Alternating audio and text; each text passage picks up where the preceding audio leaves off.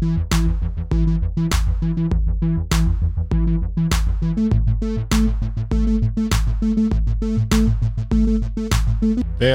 till Pappa Chef-podden, podden om föräldraskap och ledarskap. Jag heter som vanligt Johan Palmberg och det är jag som är själva pappachefen. Som pappachef är jag pappa till många barn. Jag har varit chef och ledare i olika roller i hela mitt yrkesliv och på fritiden gillar jag att hålla på med musik, poddning och löpning. Dina värdar är som vanligt Johan Palmberg och Johan Formell och vi gör den här podden i samarbete med våra egna företag, Small Steps, din partner inom ledarutveckling, coachning inom CSR, lean och nätverkande. Och med Jofram, ett investeringsbolag som investerar i riktiga människor. Sloganen är den enda riktiga värdemätaren är vad vi gör för andra och vad andra vinner på det. In och läs mer på hemsidorna. Pappa Chef-podden tar upp svårigheterna och möjligheterna med kombinationen förälder och chef. Vad kan man lära sig av ledarskapet på hemmaplan som är användbart i jobbet och tvärtom? Nu kör vi! Ja, Johan, välkommen tillbaka. Det var ett tag sedan. Ja, nu var det ett tag sedan som i alla fall vi träffades. Mm, härligt att få sitta och prata lite grann igen. Mm. Senaste avsnittet blev ju ett eh, intervjuavsnitt med Ville Hansén. Ja. Så eh, då var ju inte du med liksom. Nej, Nej. Det är skön, ibland tar man en paus. Precis. Eh, däremot senaste vi pratade om det var ju eh, en liten årskrönika. Ja av eh, första året. Ja, där vi summerar lite vad vi hade pratat om. Mm. Och, det, och titta lite på hur man, ja, vad man ska ta tag i kanske året som kommer. Mm. Lite så. så det, jag tror det är viktigt att göra en summering av året som varit, att man någonstans gör någon form av utvärdering. Så att man ser lite, har det blivit som jag har tänkt mig eller är det någonting som jag kanske behöver ändra på till detta året så att man någonstans kommer, kommer vidare. Du är så duktig på det där, jag är mycket sämre på det. Men eh, det är ett jättebra tips för jag tror att vi behöver det. Mm. Eh, både som kanske då föräldrar och som chefer. Ja, precis. Jag tror det är viktigt både och där. Mm. Så fick vi med bara fruar lite på slutet förra gången, det var kul.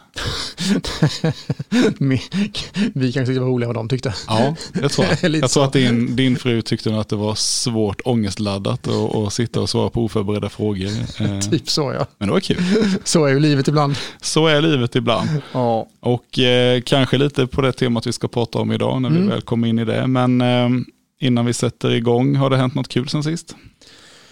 Ja, jag minns inte om jag hade fått glasögon sist. Men det kanske jag hade fått. Jo, det tror jag. Ja, det kanske, jag tror att jag har nämnt ja. någonstans att du... Ja, det kan nog stämma. Nej, men det är väl typ det. Man blir ju äldre och eh, annars så rullar det på. Alltså, corona är ju här och håller sitt grepp, men man ser väl åtminstone eh, en ljus i tunneln. Mm. Lite så. Sen tror jag det handlar om en attitydfråga. Om det har hänt något roligt eller om livet är roligt. Alltså, det är vad det är och så får man göra det bästa av situationen. Jag tror du har helt rätt. Ja, nej, men det är väl ungefär samma för mig. Året mm. har rullat igång och mm. det är precis lika fullt i kalendern som det brukar som vara. Det brukar vara. Ja. Så är det. Eh, viktigaste frågan innan vi sätter igång. Hur går Hur löpträningen? Går löpträningen? Standard. Det går faktiskt bra. Ja. Eh, nu, det finns en del positiva saker med corona och det är att eh, jag som då är eh, pappa till en hästtjej får numera inte följa med in i stallet och hjälpa till med allt det här som man ska hjälpa till med, med att sadla och fixa och greja och tränsa. Och det här. Så att eh, medan de gör det så har jag faktiskt möjlighet att ta en eh, löprunda på ett antal kilometer runt en sjö här i Växjö. Alltså det där är ju toppen ja. Eh, från en pappa som också har varit med i stallet. Jag är komplett livrädd för de där eh, hästarna. inte, inte tjejerna, men, men hästarna. Eh, så det låter väl som en win-win. Ja, det, där snackar jag win-win. Och sen så hinner jag precis springa den rundan och sen när de kommer in i stallet så hinner jag vara med och titta och kanske peppa lite. Sen vet jag inte om jag ser det som pepp. Hon ser det kanske mer som lägg det inte i. Ja, just det. Men det, ehm, jag ser det som pepp. Och hon är ändå inte ens tonåring än, så vänta Nej. bara. Ja, jag önskar dig lycka till. Vi tackar för det. Hur går det själv då? Jo, men eh, jag har gett mig på den här eh, idén som jag har sett någon lansera att man ska springa 1,6 kilometer varje dag. Jag vet inte om du har läst om det. Det är ju inte långt, men att man gör det varje dag då istället. Hur länge då? Ja, så länge man eh, liksom mår bra av det. Jag såg någon på internet som hade gjort det i 50 dagar och någon har väl gjort det i ett år. Och jag bara inser att eh, det kan vara ett komplement till annan träning. Mm. Eh, för man får ju definitivt upp pulsen och det är väl ett tips verkligen tycker jag. Jag kanske är det fler än vi som sitter i ändlösa teamsmöten från morgon till kväll just nu. Ja. Och eh, i mitt fall så är jag dessutom instängd, instängd i en klädkammare utan eh, dagsljus. Så att eh, på lunchen, jag springer på ungefär nio minuter nu då. Eh, de här 1,6-1,7 kilometerna. Eh, på lunchen, perfekt, utspring, få puls, få syre, du hinner äta, du hinner till och med duscha innan det är dags att börja jobba igen. Så eh, det, ja, men det funkar. Kanske man skulle prova. Och så tittar han på mig och så tänker han, det syns inte på dig. ja, ja. Var det så tydligt? Det är tur att, var, det, var, det så, var det så tydligt? Det är tur att podd är ett eh, röstmedie, ett röstmedie och inte, inte ett, ett blickmedie. Ja. Här är ju två killar med radioansikten. Det är bara så. Okej, vill ni kontakta oss så glöm inte att vi finns på LinkedIn, både Johan Palmberg, Johan Formell och även Pappa Chef-podden eh, har en egen sida där. Eh, men det går som vanligt att mejla också, den vanliga mejlvägen pappachefen gmail.com. Så kom gärna med tillrop, idéer och eh, ja, helst inte klagomål. Men finns det sådana så kommer de också då. Ja, ta gärna upp det. Vi tar emot det gladeligen. Så är det. Nu hoppar vi in i dagens avsnitt. Mm. Eh, vi kallar det för säker fasad, osäker insida. Ja. Eh, och eh, ingressen är så här, fasaden kan utstråla självsäkerhet och tydlighet. Men hur ser din insida ut? Och så ställer jag väl en fråga lite till dig då. Är jag ensam om att vara osäker och rädd ibland? Eh, jag tycker frågan är intressant och den är väldigt bra. Eh, och det är väl ett av de kanske stora skälen till att jag eh, engagerar mig i andra ledare och andra chefer stundtals. Jag minns själv hur det var när man skulle leda och börja och just det här, alltså rädslan och framförallt osäkerheten. Gör jag rätt? Säger jag rätt? Vad händer nu? Vad händer om jag gör så här? Vad blir det för konsekvenser av det ena och det andra? Eh, och eh, som frågan är, är jag ensam om att vara osäker och rädd ibland? Eh, jag skulle nog säga att alla som leder någonting eller är chef har någon form av eh, osäkerhet och rädsla. Inte ens ibland, jag skulle tillägga ofta. Men man ser ju det väldigt sällan. Inte tänker mm. du när du ser en stor vd på, eh, på tv eh, att han ser osäker ut? Nej, absolut inte.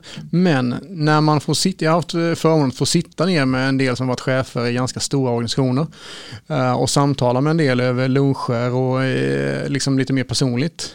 Och man inser hur, liksom, vilka, om man nu kan utreda så här, de, de demoner eller de kämpar med, det de tycker är jobbigt. Och ibland när jag ser de här människorna hur trygga och säkra de är och ibland kan man ju tänka att det där skulle jag också vilja göra. Men jag brukar också vända på det och fundera på vad har de gått igenom mm. för att vara det de är. Och ibland när jag tänker på det så tänker jag att det skulle jag aldrig vilja göra. Mm. För det är ganska mycket. Eh, mycket av tuffa diskussioner, tuffa samtal, tuffa om organisationer, det ena efter det andra. Alltså du blir ju inte en duktig chef genom, att, genom det enkla.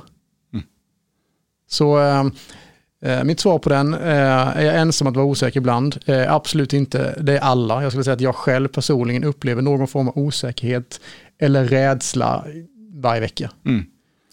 Det är lite intressant för, för jag, jag, som jag säger då, man kanske inte ser så tydligt på eh, på folk att det finns en osäkerhet Nej. och så vidare. Ibland kan du, om du tar en intervju i tv, någon är riktigt pressad, mm. Uppdrag granskning där sticker upp en mikrofon i näsan. Mm. Visst finns det de som, som krackelerar under den situationen och, och, det bara sprutar liksom ja. panik i öronen mm. på dem. Mm. Men i normalfallet så har ju de flesta ändå en, en förmåga att hantera mm. eh, en situation. Mm. Och eh, jag, jag sitter nu med en, eh, en eh, bekant som jag är lite mentor för som eh, ska kliva in i en, i en chefsroll framöver. Mm. För första gången då. Mm. Och vi har pratat jättemycket om det här med ja, men hur ska jag hantera det här och hur gör man i en sån situation. Mm. Och jag inser att svaret är nästan alltid erfarenhet. Mm.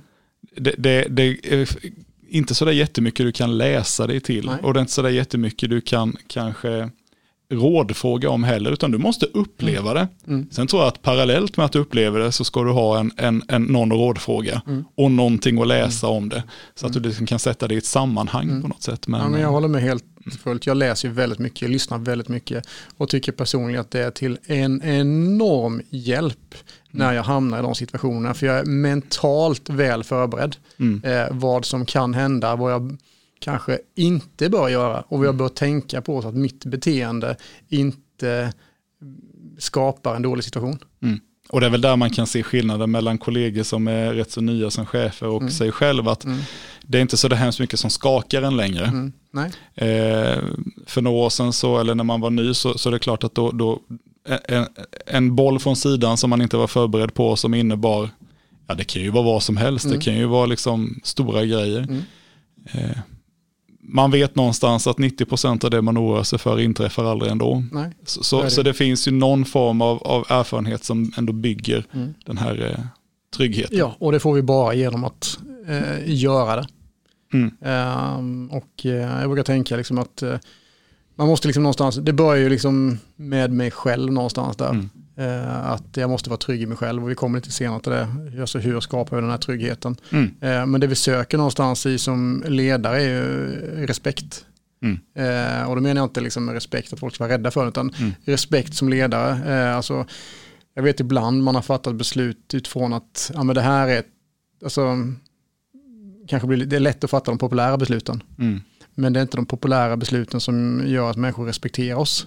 Eh, vi får respekt av att vi fattar de tuffa besluten mm. eh, och gör det som är rätt för organisationen. Just det, och stå, står upp och när det blåser. Det, och står upp för det blåser mm. och att vi lever som vi lär och vara rättvis. Eh, och människor ser när vi tar de tuffa samtalen som skapar den här organisationen som jag själv eftersträvar att jag mm. säger att jag vill ha. Jag tänker utifrån ett föräldraperspektiv, jag, jag tittade igår, eh, en, sån guilty pleasure jag får erkänna här nu då, jag, jag låg igår när, när eh, vi hade ätit så låg jag i soffan och tittade på Lyxfällan, det tycker jag är härligt att göra ibland för då känner man sig som en mindre misslyckad person. Det är någonstans här jag lämnar den här podden. ja, det är underbart. Det är underbart att titta på någon annan som har det värre okay. än en själv. Nej, nej, jag bara skämtar. Men jag tittade i alla fall nej, på, ett, eh, på ett, eh, ett, ett, eh, avsnitt där och så var det ett, ett par som naturligtvis satt i skiten då ekonomiskt. Mm, och mm. i deras fall så grundade det sig här i att alltså de var inte missbrukare. De eh, drack inte för mycket Coca-Cola, de spelade inte bort det på hästar och trav eller någonting sånt. Och båda hade bra inkomster mm, mm. och ändå gick det inte ihop. Och när de började gräva i det här så visade det sig att pengarna gick till liksom lyxkonsumtion för barnen. Eh, det var lyxleksaker, liksom. det var fyrhjulingar och det var mm. tv-spelen de mm. senaste och det var fina mm. kläder till barnen. Och så började de gräva i det där. Det fanns ju orsaker till varför mm. kanske då framförallt mamman i det här fallet då tyckte att det var viktigt att, att barnen alltid hade mm. liksom det senaste och så vidare. Då. Men det, det, är så intressant det där för att eh, det blev ju också att hålla upp en fasad mm. eh, som, som förälder inför mm. barnen och inför mm. omgivningen, inför mm. grannar, inför liksom släkt. Att vi har det toppenbra, vi, det går bra för oss och i verkligheten så rann det liksom ut 10 000 för mycket varje månad. Och, och då kan man ju tänka lite det här som vi pratar om att, att eh, ja, men vad är det som faktiskt bygger förtroende? Jo men mm. det är ju att ta de tuffa besluten. Mm. Det är ju att, att säga nej, det blir inte den här grejen som du pekar på. Nej, nej det blir inte de där skorna den här månaden. Och, och, det tror jag kan vara viktigt även för den som har råd. Mm. Att ja, lyxkonsumera för sina barn. Att eh, säga nej, många i Sverige har ju råd med väldigt mycket. Mm. Eh, men det handlar någonstans om att sätta en, eh, en nivå, en standard och en, eh, en värdering. Mm. Faktiskt. Mm. Sen ska man i vissa fall unna sig saker eller göra saker, absolut. Men det mm. handlar om att liksom ett, eh, värderingar som man vill förmedla vidare till sina barn. Mm. Och samma sak är det med en organisation. Vilka värderingar vill jag förmedla vidare mm. eh, utifrån det ledarskapet som jag har. Ja men och alltså i det här fallet då skitsamma vad det var för, om du har råd eller inte att, att göra det här för dina barn. I det här fallet så hjälpte de med barnen att måla upp en fasad mm. av, av hur, det, hur, det, hur man vill att omgivningen mm. skulle tro att det var. Mm. Men jag menar när de här barnen blir vuxna, sannolikheten att de följer i samma fotspår mm. och, och gör likadant med sina barn är ju skyhög ja. ifall inte föräldrarna gör någonting åt Nej. det nu. Liksom. Jag har ett mantra som jag säger hemma ibland. Sanningen kommer alltid fram. Ja. Uh, och, det, det, innebär, alltså, och det låter ju jätte, eh, lite klyschigt och lite enkelt, men det är också lite så att uh, man ska vara medveten om att, att dölja en sanning, mm. alltså det kommer alltid fram förr eller senare. Mm. Det, det, är så enkelt och det mm. ser man så ofta i, inom organisationer där medarbetare, chefer har gjort saker eller om man har gjort något i sin familj eller någonting där. Så Så det kommer alltid fram. Mm. En fasad krackelerar alltid i slutändan. Mm. Så det kan man väl säga då, låt inte osäkerhet liksom, kring hur omgivningen ska, ska betrakta dig eller Nej. tycka eh, tillåta dig att måla upp en fasad Nej. som inte är sann. Det kommer att bli ännu värre när det krackelerar. Mm. Jag tänker på det här också då när vi pratar eh, oro, osäkerhet, mm. rädslor. Vi kan ju sammanfatta det med svagheter kanske mm. då, kan man ju mm. tycka då. Eh, tycker du att det finns en gräns för vad man bör dela med sitt team? Jag tänker lite, det finns en gräns mellan personlig och privat. Mm. Och ett exempel på det, jag var och lyssnade på, på Elaine Eksvärd för några år sedan som mm. föreläser en retorik, hon är superduktig. Och då pratade hon om det att hon hade haft ett gäng som hon jobbade med mm. och så var det en av deltagarna som inte riktigt hade känt av gränsen mellan personlig och privat. Mm. Eh, för liksom, personlig och dela med dig av sånt som är viktigt för dig men privat är ju sånt som egentligen ingen annan ska veta. Mm. Och den här mannen hade ju då i, i den här gruppen, han tyckte väl att det blev gött liksom, folk började dela och det blev en väldigt förtrolig stämning. Mm. Så, så mm. han, mm. han sa att ja, min, min, min favoritdel av, av filmerna det är liksom sexscenerna. Och det blev så här, Jaha, hur tycker du att vi ska förhålla oss till den här dålig, informationen? Dålig liksom? ja, men det, det är ett exempel på när man kanske delade lite, lite för privata saker. Eh, det hade varit kanske tillräckligt personligt att han sa jag gillar romantiska komedier. Mm, mm, mm. Ja. Och då tänker jag bara, eh, vad kan man dela med sitt team kring, kring ens egen svaghet, eh, ens egen rädslor, ens egen egna eh, liksom, osäkerhet? Så det är en otroligt fin balansgång. Eh, att vara personlig eh, är ju en sak som du säger och privat en annan.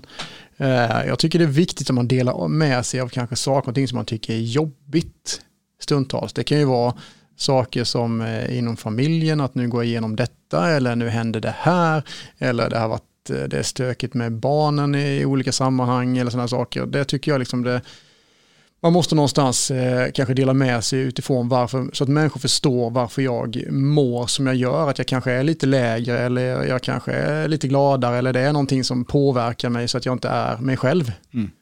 Men sen finns ju saker som man eh, liksom overshare, alltså mm. nej, mm. gör inte det. Alltså det är jättetrevligt och en del har ju förmåga att berätta lite för mycket. Eh, och, Särskilt när det är fest. Särskilt när det är fest ja, och lite för mycket alkohol inblandat. Och, så man får ju sig en bild av andra människor i de här sammanhangen. Alltså vem är du? Alltså hur går dina tankar och vad är dina liksom, värderingar? Eh, man ser ganska tydligt eh, vilka värderingar människor har när de börjar dela lite för mycket. Mm. Eh, och eh, som sagt, jag kanske är åt andra hållet. Jag kanske är jag håller ganska högt med integritet. Är du lite eh, Stålman ibland? Inför... Ja, det kan säga att jag är. Mm. Absolut. Eh, jag är nog mer åt det hållet. Är det eh, medvetet eller är det bara så det är för dig? Det är omedvetet, så därför har jag tagit hjälp för att kunna bli mer, så att säga, mjuk. Mm. Om jag uttrycker så här. När jag kommer till jobbet, då har jag ett fokus. Jag jobbar, pang, pang, pang, pang, pang. Och det är stenhårt fokus på det. Medan eh, jag ibland behöver lära mig att stanna upp, mm. lyssna, Eh, hur har din helg varit? Mm. Eh, hur mår du? Eh, och de här bitarna. Och eh, det är bara att erkänna, det har jag haft jättesvårt för. Alltså, till, alltså jag har ju tagit hjälp för att liksom bli bättre på detta. Eh, jag har känner själv att jag har en tendens ibland att ta med mig den där, eh, för min fru säger alltid att det finns en jobb-Johan och en hemma-Johan. Mm. Men ibland tycker jag att, och framförallt när jag jobbar hemifrån nu mm. som jag gör till stor del, så, så, har jag en tendens att få med mig jobb-Johan in i dialogen mm. med både fru och barn. Mm. Och då märker man ju direkt, liksom, både på sig själv och dem, att mm. Mm, det, här var, det här blev inget bra. Liksom. För det är lite som du säger, det är snabba beslut, det är liksom, mm. eh, så här gör vi, ja, mm. nej men gick vi häråt. Och man mm. kanske glömmer att säga hej, jag har faktiskt en medarbetare här. Hon tar det på ett bra sätt, så det, är inte det. Men jag bara såg häromdagen en, en rolig sms-konversation. Jag hade skickat till henne tidigt en morgon. Eh, och så inleds konversationen så här vi får köra budgetmötet på Teams idag, okej. Okay. Det, skrev, det skrev du? Ja, det skrev jag. Och sen någon minut senare har jag skrivit, hur mår du förresten? Och sen sista, okej. Okay. och det är så typiskt mig att komma på i efterhand att ja, just det, man kanske ja. kan inleda dagen med att säga mm. hej, hur är läget? Och sen komma med sitt ärende. Ja, men lite så här, liksom, ja, det finns ett mantra som jag använder ibland, så där, connect before correct. Liksom, eh, nu var, handlar det inte om liksom, att du skulle ha något jobbigt samtal med den här människan, men det är mer här, liksom, alltså, vi måste någonstans nå fram till varandra innan vi börjar med det vi vill. Så och jag håller med dig, jag är så otroligt snabb med det också, men det finns ju två diken som du säger med mm. det här, eh, som man får lära sig att balansera på. Men det man kan säga här så här, alltså använd inte medarbetarna som liksom i terapisamtal. Det, det får man ta i liksom på andra ställen. Mm. Eh, och eh, ord är ju lite som ett ägg. Har du väl släppt det, då kommer det krascha. Mm. Och du kommer få ta hand om det på ett eller annat sätt. Mm. Eh, om det är ett bra eller dåligt. Och det mm. ska man tänka på. Jag är beredd att ta hand om det som jag faktiskt, vad skapar jag för bild av mig själv? Man ska inte, spara, man ska inte skapa en bild som är osann. Mm. Men du ska inte heller liksom börja skapa en bild av, av dig själv som liksom dina innerska tankar, vad som rör sig. För att människor kommer ju se på dig utifrån sina premisser och analysera det du säger utifrån sin hållning. Mm. Vilket kanske är på ett helt annat sätt så som du har tänkt dig. Mm. Såklart. Nej, klokt eh, och bra eh, liknelse med, med ägget. Det, det ligger ju någonting i det. Det är svårt att, att och inte behöva ta hand om den sörjan som kommer Ja, efteråt. så är det ju. Liksom, det går aldrig snacka sig ur ett dåligt beteende heller. Liksom. Mm. Det är lite det, liksom, att det får man ta hand om och mm. göra någonting åt. Sen kan man ju fundera på då ifall om vi nu har etablerat att osäkerhet och rädsla till viss mm. del är en del mm. av våran mm. vardag, det är en del av vår personlighet, det spelar ingen roll hur mycket ledare du är. Har du inte någon osäkerhet och rädsla så är du förmodligen lite halvpsykopat och då, då har du andra problem du behöver ja. ta tag i. Mm. Men, men då, om man nu tänker att det är en del av ens vardag, eh, vi har pratat lite grann om vad man bör dela och inte. Mm. Men är osäkerheten alltid något negativt eller är det något man kan faktiskt dra nytta av och vända till någonting som är bra? Har du några tankar? Alltså oftast, jag kan ju bara gå till mig själv. Osäkerhet, osäkerhet kan komma utifrån många olika situationer. Eh, osäkerhet kan komma att jag är osäker utifrån mig själv. Mm. Att jag är otrygg i mig själv. Då är det någonting jag måste ta tag i helt enkelt. Mm. Att jag måste liksom, varför är jag otrygg i mig själv? Mm. Sen är det en typ av osäkerhet, det här har jag inte gjort innan. Eh, jag är trygg i mig själv men det här har jag inte gjort innan. Mm. Det är klart att det skapar en viss typ av osäkerhet och eh, där man någonstans måste lära sig, ja men gå framåt. Jag känner ju ofta så här, jag lever ju ofta lite på gränsen mellan osäkerhet och eh, trygghet, liksom, för jag vet att när jag kommer utanför min lilla comfort zone där, då är det lite otryggt och lite osäker. Men det är där jag lär mig. Mm mycket eh, mer. Och jag ska utvidga hela den här zonen av vad jag vågar, vill och kan. Mm. Ju, hela tiden, jag håller mig lite utanför den. Jämna mellan ja, men jag hade ett intressant samtal med min syrra häromdagen och vi pratade om det här med skillnad mellan självkänsla och självförtroende. Ja. För det har jag liksom inte ramlat ner i mig för, för bara några, något år sedan. Mm. Att, att Just det, det är ju faktiskt skillnad. Det är väldigt stor för, skillnad. För det du beskriver är ju att alltså, jag, jag, kan, mycket av min osäkerhet grundar sig ju i självkänslan. Mm. Inte i självförtroendet, för det har jag ganska gott om. Mm. Jag brukar säga som Pippi Långstrump, det här har jag aldrig gjort innan, det ska jag nog klara. Mm, mm. Eh, och, och, det tror jag är det som har gjort att jag har liksom fått nya möjligheter i arbetslivet och, och kanske också bli engagerad i hundra olika grejer runt mm. omkring. Det är därför vi startar en podd, det är därför man, man har egna företag, det är därför man, ja du vet. Men däremot det som gnager i mig, det är ju självkänslan. Duger jag som jag är? Eh, älskar folk mig även om jag inte skulle prestera allt det där mm. som självförtroendet hjälper mig mm. att göra. Mm. Och den är ju svårare att komma åt. Liksom. Mycket. Och där tycker jag man skulle ta mer hjälp än vad människor gör idag. Mm. Eh, och framförallt prata om det med andra människor. Mm. Hur jobbar man detta? Hur kommer jag vidare? Eh, ja, alltså att bygga självkänsla gör man enklast, eh, eller enklast, eh, att bygga självkänsla handlar ju om att veta vilka värderingar står jag för. Mm och titta på dem. Liksom, kan jag stå för de här? Och sen våga leva sina värderingar. Mm. Exakt. Eh, jag tänker så här också kring om, om, man kan vända osäkerheten till någonting positivt. Mm. Eh, om inte annat så skapar det ju ett behov av att lyssna på andra. Mm. Är jag nu osäker i en mm. fråga, eh, är man då lite klok och inte psykopat så, så, så kan man ju vara tillräckligt personlig med sin omgivning då och säga hej, det här var jag inte riktigt säker på, eller Nej. det här är inte min styrka. Nej. Rekrytering är inte riktigt mitt område, eller det här att stå och tala inför folk mm. är jag inte så bra på. Nej. Har du några tips, hur kan jag göra? Och så kanske man då kan lyssna på någon annan. Mm. Eh, och det är ju positivt ur väldigt många aspekter, inte mm. minst det här med delaktighet. Vi har pratat Absolut. många gånger om det, att få sina teammedlemmar att växa, mm. Mm. Eh, just att involvera dem. Jag har ju den, alltså, jag har vänt lite på mitt eget ledarskap eh, från att eh, först leda, sen lära mig vad som hände och sen kanske jag lyssnar. Ja, jag har fått vända på det. Lyssna, lära, led. Ja. Det, ja. det finns någonting i det som är väldigt, väldigt bra. och, och, väldigt kanske jobbigt att ta sig till ifall man är lite van vid snabba beslut och, ja, och, och vill framåt. Ja, exakt. Det är absolut. Och sen tänker jag också att osäkerheten kan ju faktiskt vara till fördel ibland för att snabba beslut är ju inte alltid rätta beslut. Nej. Eh, och är man då återigen lite klok och mm. medveten om sin mm. osäkerhet så mm. kanske man kan utnyttja den där pausen som osäkerheten skapar mm. till att faktiskt utvärdera mm. vad är rätt val här. Mm. Eh, jag säger inte att man alltid ska dra på beslut för det tror jag också är skadligt många gånger för organisationer och familjer. Men att man kanske ändå använder den där, okej okay, här kände jag mig inte 100% säker på vad som var rätt Nej. eller fel. Ta ett andetag, fundera lite, kanske du bollar med någon annan och se var du kan landa. Ja men det är lite så som du säger och det som det är så alltså det som är bråttom är sällan viktigt och det som är viktigt är sällan bråttom. Ja. Alltså de viktiga sakerna är riktigt viktiga för en organisation, för en familj, är någonting som vi gör varje dag, som vi måste göra varje dag eh, och liksom fokusera på. Mm. Och det är ingenting som vi kan ha bråttom med, utan det är någonting som vi gör varje dag. Mm. Eh, och eh, samma sak i en organisation, människor kommer och bara, det här måste vi göra nu, nu, nu. Eh, oftast då eh, kan det faktiskt vänta. Jag är ute och pratar och undervisar och eh, coachar inom lean production mm. emellanåt och där är ju en av de här grundprinciperna att låt beslut ta lång tid. Mm. Utvärdera alla varianter, mm. alla möjligheter. Mm. Men när du väl har bestämt dig, då ska det gå undan. Mm. När du väl har sagt att så här blev det, då ska du implementera mm. och genomföra det här så snabbt du bara så kan. kan jag. Håller med helt och hållet. Om vi funderar lite på hur vi då övervinner eller överkommer osäkerhet och rädslor. Eh, jag har gjort mina tre punkter som jag brukar så får väl du kommentera då.